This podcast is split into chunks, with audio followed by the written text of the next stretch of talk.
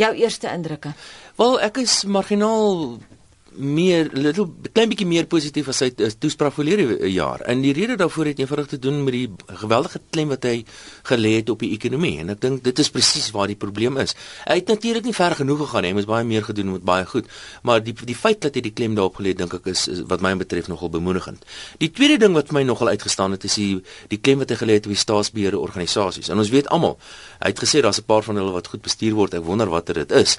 Want die wat ek ontleed het, die hele lot van hulle is maar redelik swak bestuur, maar hy het en hy het die woord uit 'n baie belangrike woord genoem en niemand het dit opgetel of ek sien nie eintlik mense dit opgetel nie. En hy het gesê sekere staatsbeheerorganisasies moet uitgefaseer word. Wat beteken dit? Is dit nie dalk kodewoord vir privatiseer nie? Ek wonder. Het die president genoeg gedoen om beleggersvertroue in Suid-Afrika te herstel? Ek dink nie so nie. Ek dink nie die president het genoeg gedoen om vertroue werklik waar te herstel en ek dink nie hy kon nie. Die realiteit is dink ek dat president Zuma het so baie van sy kredietwaardigheid verloor die afgelope tyd. Dit maak nie saak wat hy sê nie. Dit dit, dit gaan net eenvoudig nie goed genoeg wees nie. Uh, dit klink vir my hy so halwe die mark sien hom as 'n soort van 'n tydelike president nou. Ons wag vir wat ook al gaan gebeur volgende op die politieke arena so nee. Hy het nie genoeg nie, genoeg gedoen nie en hy sou nie kon nie, maak nie saak wat hy gesê het nie. Een ding wat vir my gesê is die afgelope week deur Roland Henwood is dat kredietgraderingsagentskappe sou na beskou as baie belangrik. Trouwens, belangriker as die begrotingsrede. Het hy vir hulle die regte geleide gemaak. Ek, ek dink hy het genoeg gedoen daar nie. Ek dink kyk die kredietgraderingsagentskappe doen twee goeters. Die eerste ding wat hulle doen, hulle kyk na is 'n meganiese manier om te kyk na jou staat se is finansies en jou land se finansies. Meganies bedoel ek, hulle kyk na syfers. Hulle kyk wat sien die skuldvlakke, tekorte en groeikoerse en sulke goeters. So dis 'n meganiese ding. Jy tik 'n paar boksies daarso en sê dis die tekort, dis die skuld en so voort. Dan die tweede ding is meer 'n die soft issues soos hulle noem. Dit gaan nou meer oor wat is hulle indrukke oor goederes. Soos byvoorbeeld wat is hulle indrukke van die staatsrede? Wat is die indrukke van van die politieke stabiliteit? Wat is die indrukke van verhoudings dit in, in arbeid byvoorbeeld? En daar as ek bevrees, die indruk wat die president geskep het is nie 'n is nie 'n indruk van 'n president wat vreeslik sterk is nie en is sekerlik nie 'n indruk van 'n president wat weet waantoe hy op pad is nie. En, en die die begroting self is inderdaad baie belangrik uh, want daar gaan mense nou kyk na die werklike syfers en ek is en dit is wat ekonome doen. Ekonome kyk na die werklike syfers en wat die president vir ons gesê het sover, gaan nie die werklike syfers verander nie. Een baie belangrike ding en as as jy luister na wat hy gesê het gaan dit en toe hy oor die ekonomie gepraat het en goed wat onthou hy is ons hoofstaatsamptenaar. Hy is in beheer van die staatsdiens en sy werk is om te kyk dat ons belastinggeld behoorlik aangewend word en behoorlik bestuur word. Uh, en hy het gesê hy gaan 'n paar dinge doen. Die ouens kan nie meer Jose gaan nie, hulle kan nie meer toebroodjies eet nie, hulle kan nie meer Dit beteken niks nie. Dit beteken werklik waar niks nie, want dit is nie waar die groot uitgawes is nie. Die werklike groot en as hy nou werklik waar my wil laat regop gesit het, moet hy gesê het staatsamptenare word te veel betaal, ons moet iets doen aan die salarisrekening van die staatsdiens. Dis ons enkele grootste uitgawe item.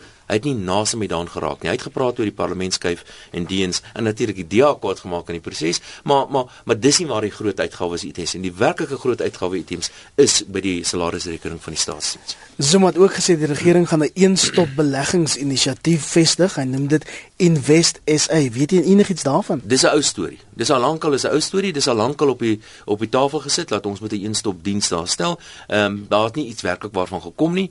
Uh Nee, wat dit is niks nie. Dis dit is maar 'n gewone ou storie. Hy het 'n geleentheid gehad hier, so hy het verwys na die visums. En ek dink nou nog dat hier was 'n geleentheid wat hy gemis het. En as hy gesê het, ons skaf alle visumvereistes af vir lande A, B en C, byvoorbeeld, dan sou dit werklik waar 'n baie duidelike teken gewees het dat hy iets wil doen en probeer regstel vir die gemors wat aangevang is met die visums voorheen. Dawie, wat het hy gemis? Die goed wat hy gemis het, ehm um, Ek sou sê uh, soos ek genoem het reeds is dat die werklike uitgawe items het nie werklik waar aangeraak nie en iets wat ek wel opgetel het wat hy gemis het, hy het niks gesê van belastings nie.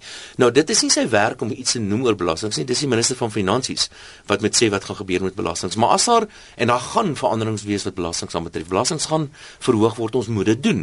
Maar gewoonlik sou die president net ten minste so 'n bietjie aanvoorwerk gedoen het en die grondslag gelê het vir die minister van finansies om dit 'n bietjie makliker te maak vir hom. Ehm um, indien daar BTW verhogings in die begroting sou wees, dan dink ek sou die president gesê het, mense ons het nie 'n keuse nie, ons moet belastings verhoog en dan net aangegaan het. Daar was niks wat ek gehoor het oor belastings nie. En dit laat my nou nogal dink dat daar nie 'n BTW verhoging gaan wees nie, want dit is een van daai baie moeilike belastings om polities te verhoog. So dis een ding wat wat my wat so 'n bietjie van 'n leemte is. Davie, hoe die markte gereageer op die president se staatsrede? die markte nee wat. Ek sê nie sê die, die rand is nou wel so 'n fraksie swakker, maar daar's 'n klomp dinge besig is om internasionaal te gebeur. So ek dink nee wat. Die finansiële markte het eintlik nie gereageer op die staatsrede en nie noemenswaardig in 'n geval nie. As jy pas met ons aangesluit het, ons praat met Dawie Rood oor gisteraand se begrotingsrede of liewer se staatsrede. Gepraat van begrotingsrede, wat verwag jy op 24 Februarie? Jy het nou gesê Dawie, ons gaan nie 'n BTW verhoging waarskynlik sien nie, maar is daar iets wat jy verwag? Ja, dis dis natuurlik wat ek dink moet gebeur en wat waarskynlik gaan gebeur. Ehm um, die die minister van finansies is 'n bitter sterk minister van finansies. Nou met die hele uh, uh, storie wat ons gehad het met Nene en toe sit van Rooyen en toe sit nou weer Gordon. Ehm um, hy's nou baie politiese baie sterk minister van finansies en ons en ons het nou 'n baie sterk minister van finansies uh, nodig. Ehm um, die die uitgawes soos ek genoem het, daar's eintlik maar net twee goeders wat die uitgawe kant van die begroting wat hy moet doen. Ons moet doen iets doen aan die staatsamptenare se salarisse. Daar's te veel van hulle. Hulle word te veel betaal en ons moet iets doen oor kom ons noem dit maar sosiale uitgawes oor die algemeen. Uh die goeders gaan hy probeer verminder, maar dit is polities verskriklik moeilik. En is 'n verkiesingsjaar. En dit is die groot probleem. Die ander kant weer is dat die belastings aanbetref, hy gaan nie gewoon hy gaan die nare ryk mense natuurlik weer 'n keer in 'n op op op 'n knop jag soos gewoonlik, maar dit is nou 'n klein belastingkies wat nie werklik waar iets beteken nie. Die enigste belasting wat noemenswaardige bedrag kan inkry is BTW en dis wat ek wil hê hy moet verhoog. Eintlik moet ons wil hê hy moet staats uitgawes verminder Uh maar as hy moet belastingverhoog is dit weer die ding wat moet gebeur. Maar as dan iemand is wat in 'n posisie is om hierdie tipe van goed deur te forceer, is dit sekerlik Gordon want polities is hy op hierdie stadium baie sterk.